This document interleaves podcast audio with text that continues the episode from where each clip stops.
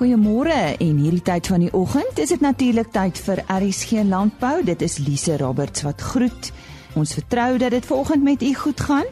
Op die spyskaart vandag, ons praat met uh, Agricol oor raaigras. Dan het ons medewerker Koos Pisani by die Priska Boeredag oor presisieboerdery in die skaapbedryf meer gaan uitvind. Ons praat ook oor die produksie van granaadolie. Wie is Vertasa en watter belangrike rol speel hulle? Ons vind meer uit oor hulle en dan net uh, Koos ook by die Hope Town Boeredag gaan inloer en daar met 'n boer gepraat oor 'n paar lewenswaarhede. Ons gesels nou met Agricol oor raaigras. Dis nie net 'n voergewas nie, maar ook 'n wisselbougewas en Cornel Kronje gaan ons 'n bietjie meer hiervan vertel. Cornel, wanneer is die beste saaityd van raaigras? Goeiemôre. Dit is baie belangrik om te onthou dat raaigras in twee kategorieë verdeel word, naamlik eenjarige raaigras en dan ook meerjarige raaigras. So eenjarige raaigras word verder ook verdeel onder Italiaanse raaigras So as ons praat van Italiaanse raaigras, is dit 'n gewas wat teen Maart tot ongeveer Mei maand gevestig kan word en wat dan goeie produksie lewer deur die winter tot laat in die lente maande. En dan is daar ook 'n ander opsie om hom te vestig teen September tot Oktober maand. Die Westermoortse raaigras wat ook onder eenjarige raaigras groep verdeel word, kan dan gevestig word teen Maart tot en met Mei en die hoofdoel van dit is om goeie produksie deur die wintermaande met goeie kwaliteit te lewer tot en met vroeë lente. Dit is belangrik om te onthou dat Westerwolse raaigras nie teen die lentemaande gevestig kan word nie. As ons oorgaan na meerjarige raaigras, kan dit gevestig word teen Maart tot Mei maand en dan ook teen September tot Oktober maand. Maar ons goeie produksie sal lewer vir meer as 1 jaar afhangende van hoe die omstandighede is. En dit is belangrik om te onthou met meerjarige raaigras dat dit stadiger vestig as die van eenjarige raaigras en dat ons vir elke doel die regte raaigras geplant moet word in die regte tyd wanneer ons die produksie van raaigras sou verlang. Watter faktore kan die oorlewing van raaigras beïnvloed? Dit is baie belangrik om in die begin te begin met die vestiging. So die vestiging van raaigras is baie belangrik um, om die sukses van raaigras dan ook te bepaal. So ons probeer om te, die raaigras te bevestig, te vestig van 'n grondtemperatuur 12 grade Celsius is of dan nou hoër en dit moet dan gevestig word op 'n onkruidvrye saadbed om te verseker dat ons so min as moontlik kompetisie het van ander gewasse en dan op 'n diepte van so wat 15 mm kan raaigras gevestig word. Met die met die vestiging is dit baie belangrik um, om die, om die regte hoeveelheid saad dan ook te plant of dan nou uit te strooi en dit sal dan nou tot gevolg hê dat ons 'n goeie produksie het hierdie wintertyd en dan ook die lente maand. As ons oorgaan dan na beweiding toe wat dit ook 'n baie belangrike aspek maak van die oorlewing van raaigras, is om na vestiging die eerste beweiding wat ongeveer 6 tot 8 weke na vestiging sou skiet veral met eenjarige raaigras, dat dit net lig sal bewei word sodat raaigras 'n goeie pol kan vorm en dan ook goeie wortelstelsels kan vorm wat ons dan oor hierdie wintertye sal dra indien dit in die herfsmaande gevestig word. Wanneer raaigras die eerste maal bewei moet word, is dit baie belangrik om hierdie lande te stap en te kyk wanneer raaigras op ongeveer 2,5 blaas stadium is en dan dit te bewei af tot ongeveer 5 cm. En die 5 cm wat dan oorbly op die land sal ongeveer 1500 kg materiaal nog hê en dit is voldoende sodat die raaigras goed kan herstel, genoeg sonlig kan opneem om nuwe blare en dan ook 'n sterker wortelstelsel um te vestig. Wanneer wanneer raaigras dus te laat wy word, sit ons net baie ou en dooie materiaal in die onderkant van die plant en dit sal dan nou swakker kwaliteit produksie teweegbring en dan ook die afsterf van van ander plante wat oorskadu word of ander blare wat oorskadu word wanneer ons dus te vroeg ingaan om raaigras te bewys, belemmer ons dus die groei en ons sal definitief nie goeie oorlewing hê nie. Die ander kant is ook dat raaigras in, in nog verder in twee groepe verdeel word en dis tetraploïde raaigras en diploïdes en dit is belangrik om te kyk watter raaigras geplant gaan word. En die rede, hoofrede hiervoor is tetraploïde raaigras is 'n meer smaaklike raaigras en dis moet hy baie strenger bestuur en bewy word en vir korter periodes moet dit bewy word anders kan tetraplure raaigras baie vinnig oorbewy word en ons sal dan dit nie 'n goeie oorlewing op hierdie op hierdie raaigras hê nie. Dit is dan baie belangrik om ook voor die voor die somermaande met 'n goeie vol raaigras in te gaan. Um, omdat die somermaande baie keer die die groei van van raaigras ehm um, of die groei van raaigras afneem in die somermaande omdat dit eintlik 'n koel seisoen vir was is en raaigras die beste produseer in matige omstandighede. En ons sê baie dankie vir daardie inligting oor raaigras wat gedeel is deur Cornel Cronje van Agricol. Besoek gerus www.agricol.co.za vir meer inligting en daar is ook 'n lys van uh, telefoonnommers en konsultante indien jy hulp benodig. Ons sluit nou aan by Koos de Pisani. Presisie boerdery is aan die orde van die dag. Dr. Bux Olivier beskryf presisie boerdery as die bestuur van diere as individue teenoor die kudde. Hy sê daar is verskille binne die kudde. Ek gesels met hom oor 'n paar van hierdie verskille. Dr. Olivier, waar lê die verskille binne die binne 'n kudde? Die verskille binne 'n kudde, weet ons almal, dit lê in groei. Daar's redelike groot verskille. Party diere groei eenvoudig beter as ander diere. Daar's groot verskille terme van netto aandeel vermoë Uh dit is op hierdie stadium lê dit enigiets tussen 40 tot 60% tussen sekere oeye wat kan goed reproduseer en oeye wat nie kan reproduseer nie. En dan natuurlik ook in terme van ehm um, in wol kan ons ook gaan kyk na die hoeveelheid wol geproduseer per veseldikte daar is ook groot verskille binne individue. En daai verskille is is daar beskikbaar en dit moet benut word op 'n manier En uh, wanneer sou jy sê moet 'n produsent opret as hy nou sy vrugbare oeye wil ehm um, skei van die minder vrugbare oeye. Die vrugbare oeye kan kan maklik eersins maklik geskei word om te kyk na die oeye wat wat ram gevat het of nie ram gevat het, maar die werklike verskille lê die oeye tussen die oeye wat wat wel gelam het en hulle vermoë om lammers groot te maak. Daar is groot verskille. Jou jou beter oeye is nie net alleenlik vrugbaar nie, hulle het meer lammers, maar hulle speen ook meer lammers terwyl jou swakker oeye is 'n bietjie minder vrugbaar maar hulle is ook geneig om minder van hulle lammers te speen. So die groot verskille lê eintlik in in die in die feit dat 'n ooi lammers het en daar vermoë om daai lammers suksesvol te speen en groot te maak. Uh, as dit kom by lamoorlewing, dink ek die probleem lê uh, dikwels by die ooi of by die lam, maar uh, hoe sou jy sê watter tekens moet 'n produsent vooruitkyk as hy na sy oeye kyk wat wat nie die lam kan grootmaak nie? Ja, dit is dis nogal moeilik om om in, na 'n spesifieke te probeer vasstel hoekom sekere oeye ehm uh, lammers groot maak, maar die literatuur sê vir jou dit gaan oor die geboorteproses wat dalk te lank neem, die binding tussen die lam en die in die ooi wat wat nie voldoende is nie, die die hulp wat die ooi gee vir die lam om vinnig te suip en op te staan. So daar's 'n hele klomp faktore wat bydra dat sekere ooe hulle lammers maklik kan grootmaak en ander ooe wat nie in staat is om om hulle lammers groot te maak. So dit gaan tot 'n groot mate oor oor ooi gedrag. En daai ooi gedrag is herhalend, maar ander wille dit dit kom van jaar tot jaar voor binne in sekere ooi families. Is, is dit die tipe ooe wat jy so sê wat 'n mens dan onmiddellik moet begin uh, elimineer uit die kudde uit? Jou jou probleem van oeye onmiddellik elimineer hang als af van wat is jou reproduksie. Jy kan nie te te veel van jou oeye ehm uh, elimineer as jy 'n laer reproduksie het nie.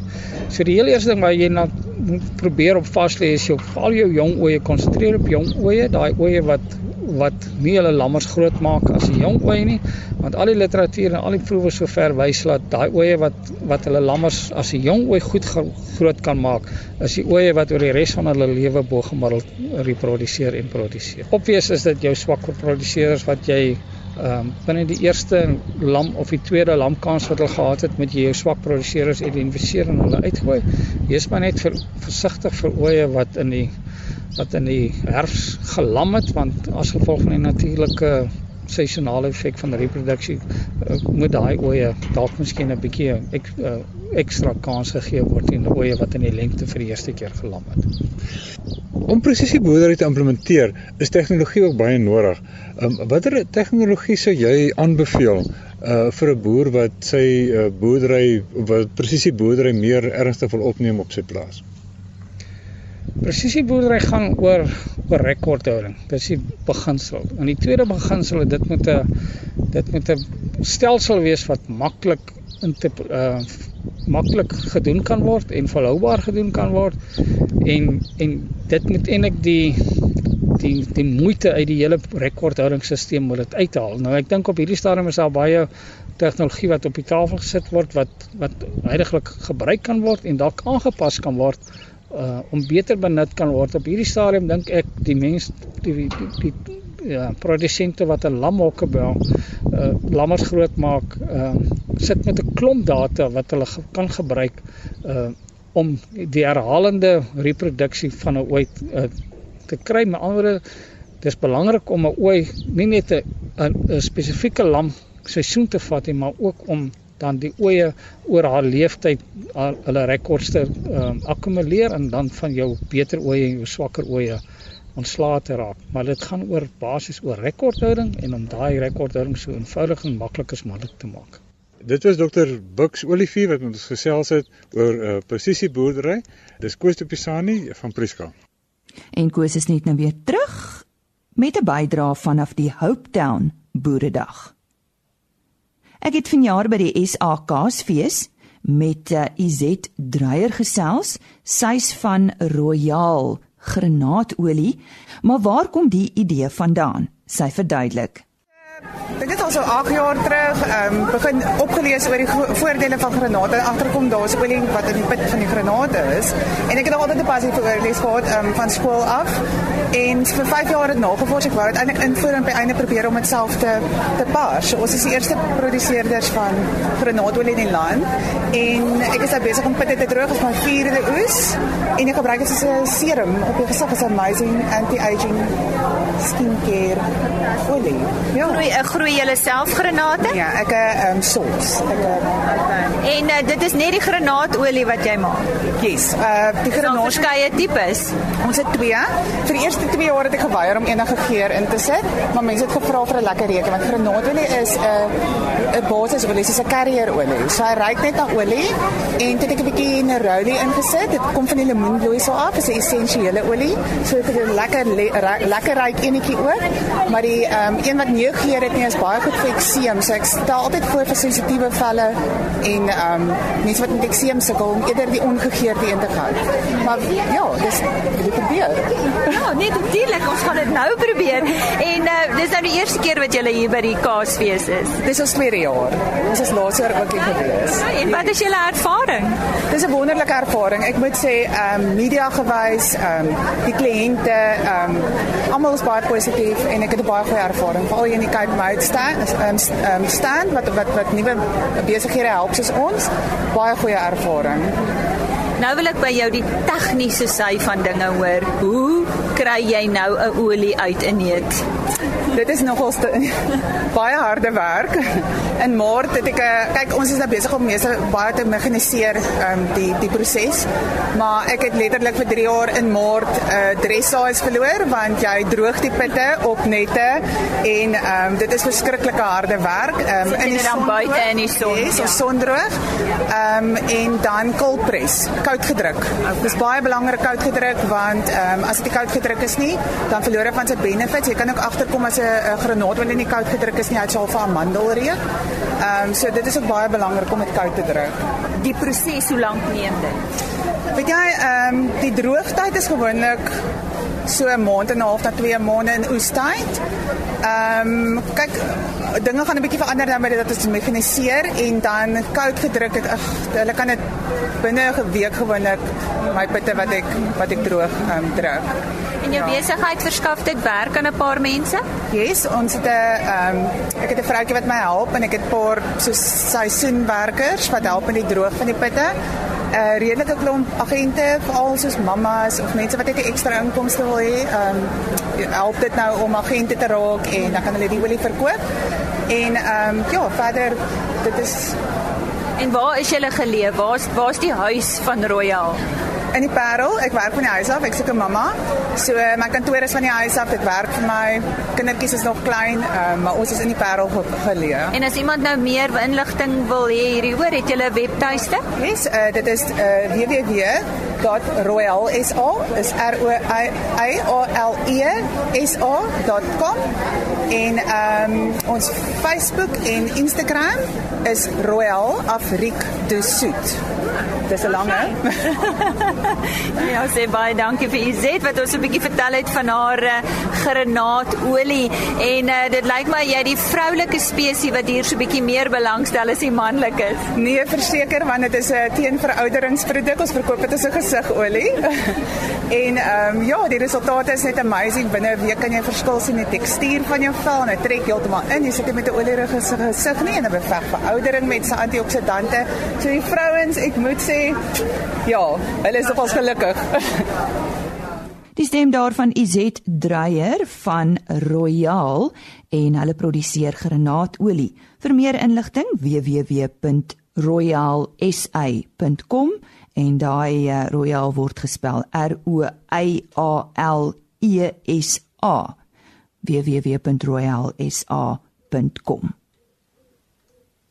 Dis tyd vir ons weeklikse vleispryse wat behaal is by veilinge in die Noord-Vrystaat.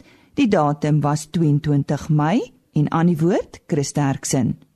Ek gee graag vir julle die pryse vir die week. Dit is belangrik om te let dat pryse eintlik maar taamlik gestabiliseer het en dit is interessant dat markte noodwendig 'n bietjie goedkoper word soos dit winter word en die kos 'n bietjie minder word. Skape bly ook baie duur speenkalvers onder 200 kg het gegaan R38.64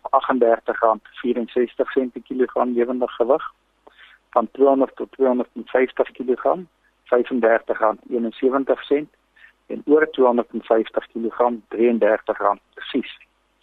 A klasse R26.50, B klasse R22.11, C klasse vetkoeie R21.03 en maarkoeie R17.49 tot R18.80 per kilogram. Slagbulle R22.55. En vanaf die skaapmark, stoorlam R45.29. Vetlammers, slaglammers R35.15. Stooroeie, dis maaroeie R27.66 en vetoeie R28.22 per kilogram. En boerbokmark lammers R36 en ooe R27.77 per kilogram. Baie dankie. Ons sê baie dankie aan Chris Derksen en 'n webtuiste vir hulle is www.vleisprys.co.za.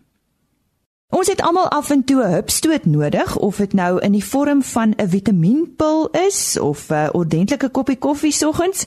Maar grond is nie veel anders nie en benodig ook aanvullings om seker te maak dat dit nie uitgeput raak nie en effektief presteer. Ek gesels met vanoggend met Dr Pieter Houman van Fertasa. Nou Fertasa staan vir Fertilizer Association of South Africa. Pieter, ja, uh, presies wie is Fertasa en wat is hulle rol in Suid-Afrika? se landboubedryf. Nou ja, baie dankie vir die voorstelling. Ehm um, soos jy gesê het, Fertasa is die Fertilizer Association of Southern Africa. Vroeger was dit die Misstofvereniging van Suid-Afrika. Nou lede van Fertasa is betrokke by die kunsmis, biokunsmis en landboukalkbedrywe. Ons lede moet voldoen aan 'n streng gedragskode en neergelegde standaarde.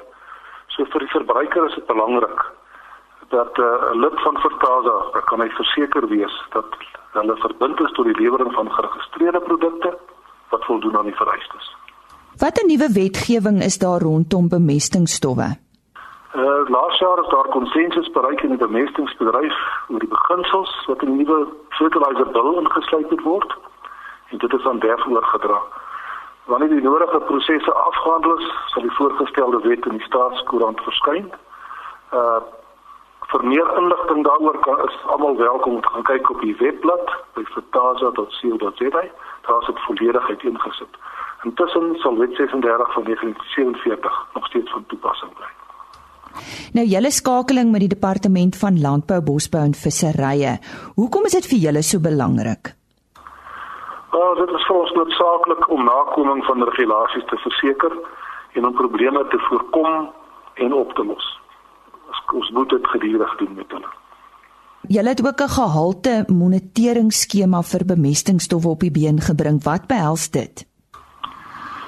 Ja, die behoefte het ontstaan vir die herinstelling van hierdie skema. Uh, Graan SA, Sasso Agri Trust, Omnia Kunsmis, Derf en Vertasa was betrokke by hierdie aksie en dit is in 2017 weer ingestel. 134 kunsmismonsters van 24 verskillende maatskappye en nege landboukalkmonsters van verskillende maatskappye is ontleed en geëvalueer teen registrasie vereistes. Die resultate was baie goed, uh, met meer as 95% van die kunsmisontledings wat aan vereistes voldoen het. Die landboukalk het ook goed gevaar en slegs een kalk het nie voldoen aan die KKE vereistes. Die afwykings is tussen die betrokke maatskappye en die boere afgehandel want dit is op die boere se plase geneem, so hulle was bewus van die afwykings. Daar word wat dan miskien wat foto sit in 2018. Ja ja, dis goeie nuus. Daar is heelwat gesprekke in die bedryf rondom oor of onder bemesting. Nou waar kan 'n produsent riglyne kry oor die korrekte hoeveelhede wat toegedien moet word? Ja, hierdie onderwerp is gereeld onder bespreking. Uh, oorbemesting is veral ter sprake wanneer droogtes voorkom. Dan glo ons dit gebeur nogal dikwels. Bemestingsriglyne is oral beskikbaar by departemente. Dit verskyn in Vertasa se bemestingshandleiding. Nou hierdie riglyne wat ons het is gebaseer op wetenskaplik nagevorsde data. So ons het baie vertroue in daai uh, inligting. Nou, die bekende basiskursus is ook op hierdie handleiding gebaseer. Daar volgens moet agt modules geslaag word, dan kan die persone aangewend word om bemestingsaanbevelings te doen. Maar die belangrike ding van enige bemestingsprogram, dit moet deurlopend geëvalueer word. So dis nie vreemd dat ons praat onder of oor bemesting, want dit is dinge wat na ons hart lê. Ons moet sorg dat ons die korrekte hoeveelheid toedien. So gewasprodusente moet aanbeveel om van deskundige dienste gebruik te maak. Daar's soveel tegnologie wat ons kan gebruik, hierdie uh, opbrengsmonitors, al die tipe van dinge is daar om die presisie boerdery praktyke is juist daar om te sien of ons in die kolis wat bemesting of nie in die kolis nie. Nou ons lede by Vertasa het ook sulke deskundiges meesal gratis, daar word betaal vir dit in die bedryf, maar ons het baie uh, gekwalifiseerde mense om dit te kan hanteer. Nou ek hoor biokunsmis is nou blykbaar die nuwe ster van die bedryf. Wat is dit en watter voordele kan dit vir ons graanprodusente inhou? Ja, biokunsmis verwys na enige bemestingsstof van biologiese oorsprong. Dit kan ekstrakte wees, dit kan fulvinsure wees, heminsure, kompos, selfs lewendige organismes, soos rhizobacteria en mycorrhizas, en rhizobiums, is al jare lank in die bedryf wat die stikstofbinding doen vir veelplante. So dis die werking van hierdie produkte is meer sal om die effektiwiteit van gewone kunsmis te verbeter. Nou in terme van oorsee hier dit is op pad rentmeesterskap uh dit is stewardship wat vereis word gaan toenemend van die bewegtingsbedryf vereis word en die boerdery ook daar om besoedeling te bekamp dreinering in, in ondergrondwater en stof en damme wat beland en vertaal as glo dat die aanwending van doeltreffende biokunsstowwe hiertoe kan bydra Nou daardie waardevolle inligting is met ons gedeel deur uh, Dr Pieter Houman van Vertasa en ons sê baie dankie ook aan hom volgend. Ons het gisteroggend 'n bydrae uitgesaai oor die 29ste jaarvergadering van Sansor. Nou Sansor staan vir the South African National Seed Organisation. Elmarie Helberg het met die voorsitter John Odendaal gepraat. Sy gesels vanoggend verder oor die terughou van saad. Kyk, daar is 'n kwessie in die bedryf uh rondom die terughou van oop bestuifde kultivars. Wat het die bedryf mee na vore gekom om hierdie uitdaging te oorkom? Right, jy is reg, dit is 'n uitdaging net as 'n voorbeeld. Ons skat dat tot minstens 80% van sojaboon saad wat geplant word, word geplant met 'n terughou saad. wat nie onwettig is in Suid-Afrika as jy dit vir jou eie doel uh, gebruik. Maar die een uitdaging vir 'n saadmaatskappy uh, wat moet belê in die teeling van beter nuwe kultivars en nuwe tegnologie is jy kry nie uh, dit is nie lonend om te doen nie. So 'n oplossing daarvoor was die uh uh inbring van 'n eindpunt team op oopgestuifde gewasse. So 2 jaar terug is dit ingebring vir die eerste keer op koring.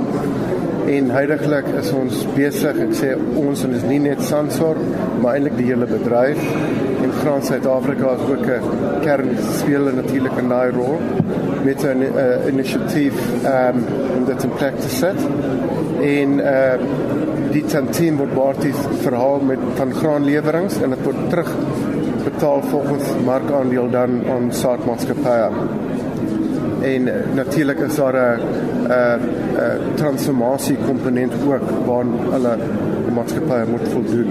Uh as, as jy daarvoor kwalifiseer.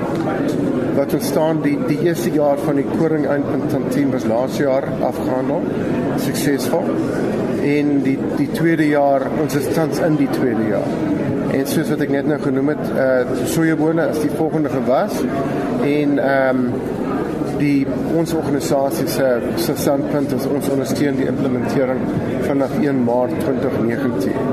Uh so dit is basies vir die volgende leweringsseisoen. Die terugvoer wat jy kry van van die boere, hoe is dit? Is dit positief? Is daar nog redelik onsekerheid? Ek kry baie keer daar's ek, ek sê nie duidelikheid oor waarvoor dit bestaan, waarvoor dit gebruik word. En ek sê ek dink dit is belangrik dat daai inligting duidelik na na boere en alle rolspelers deurgevoer word. Dit was aan Elmarie Helberg wat gesels het met eh, John Odendaal, die voorsitter van Sansor. En nou vir ons bydra vanaf 'n Hopetown Boeredag wat onlangs plaasgevind het. Aan die woord, Koos de Pisani. Dis altyd lekker om met iemand te gesels wat passievol is oor sy werk. Pier Vlok is so 'n persoon. Tydens 'n Boeredag op Hopetown het hy van sy lewenswaarhede met ander boere gedeel. Ek het hom bietjie gaan uitvra daaroor. Pier, van waar kom jou belangstelling in veeteeltbedryf? Koos ek het op 'n Merino plaas groot geword, 'n Karoo plaas in Sutherland omgewing en daarna het ek eh, self bietjie geboer in daai omgewing en daarna het ek 'n loopbaan gevolg in BKB 'n skaap en wolman op die grond. My kennis het ek opgedoen deur die skaapkrale van die BKB kliënte en die boere wat in my omgewing was wat ek moes werk eh, wat ek opgedoen het daar en dit was maar die leerskool gewees. Ek dink nie daar's 'n uh, ek wil my verstout om te sê ek dink daar's 'n beter leerskool as die in 'n skaapkraal tussen die tussen die ou skape nie. So dit was 'n wonderlike tyd gewees. Dis maar waar ek geleer het koos. Jy het baie kennis oor die jare opgedoen deur na ander boere te kyk. Uh, Watter van hierdie belangrike waarhede um, het jy opgetel so? Koos ek dink soos ek gesê het daar in die praatjie, ek dink is baie belangrik om uh, nie vir die extreme te gaan nie, teel vir middel van die pad 'n teel vir 'n uh, 'n goeie gemiddelde grootte skaap, moenie vir die grootte van die skouring val nie. Ons is so geneig om vir groot goed te gaan en uh ons sê altyd groot is beter, dis nie altyd so nie. Ons moet kyk na die ekonomiese toestande. Ons moet uh die wetenskap omarm. Ons moet dit uh, inbring by ons by ons teeling en pas dit toe op die plase en uh, dan moet ons kyk wat ander boere doen wat suksesvol is. Ons moet uh, dit leer en toepas by ons. Ons moet eties korrek optree te alle tye. Ek dink dan gaan jy vorder en jy moet lief wees vir dit wat jy doen. As dit vir jou lekker is om te boer om te skaap en boer om die ras waarvoor jy lief is, dan sal jy sukses maak. Maar kyk net die om omarm die ekonomie. Kyk net die kommersiële waarde, kyk net die wetenskap en wees lief vir die ras waarmee jy boer en jy sal suksesvol wees. Dit was Pier Vlok geweest wat met ons gesels het oor sy lewenswaarhede. Koos de Pisani vir RSG op Hopetown. Ons sê weer eens baie dankie aan Koos de Pisani. Ons sluit af met belangrike nuus. 'n Verklaring is onlangs deur die Departement Landbou, Bosbou en Visserye uitgereik om die voorkoms van slengtaalkoors op 'n plaas in die Jacobsdal omgewing in die Vrystaat te bevestig. Tot dusver is dit die enigste plaas wat aangemeld is en verdere ondersoeke word nou deur plaaslike veeartsenykundiges uitgevoer. Volgens owerhede is die nuwe uitbreking van slengtaalkoors as gevolg van verhoogde reënval wat 'n toename in muskiete veroorsaak het. En daarmee groet ons ook. Goeie naweek vir u wat voorlê en ons gesels dan weer maandagooggend net so skuins na 05:30 van my Lise Roberts. Totsiens. RSG Landbou is 'n produksie van Plaas Media. Produksieregisseur Henny Maas Aanbieding Lise Roberts. en inhoudskoördineerder Jolandi Root.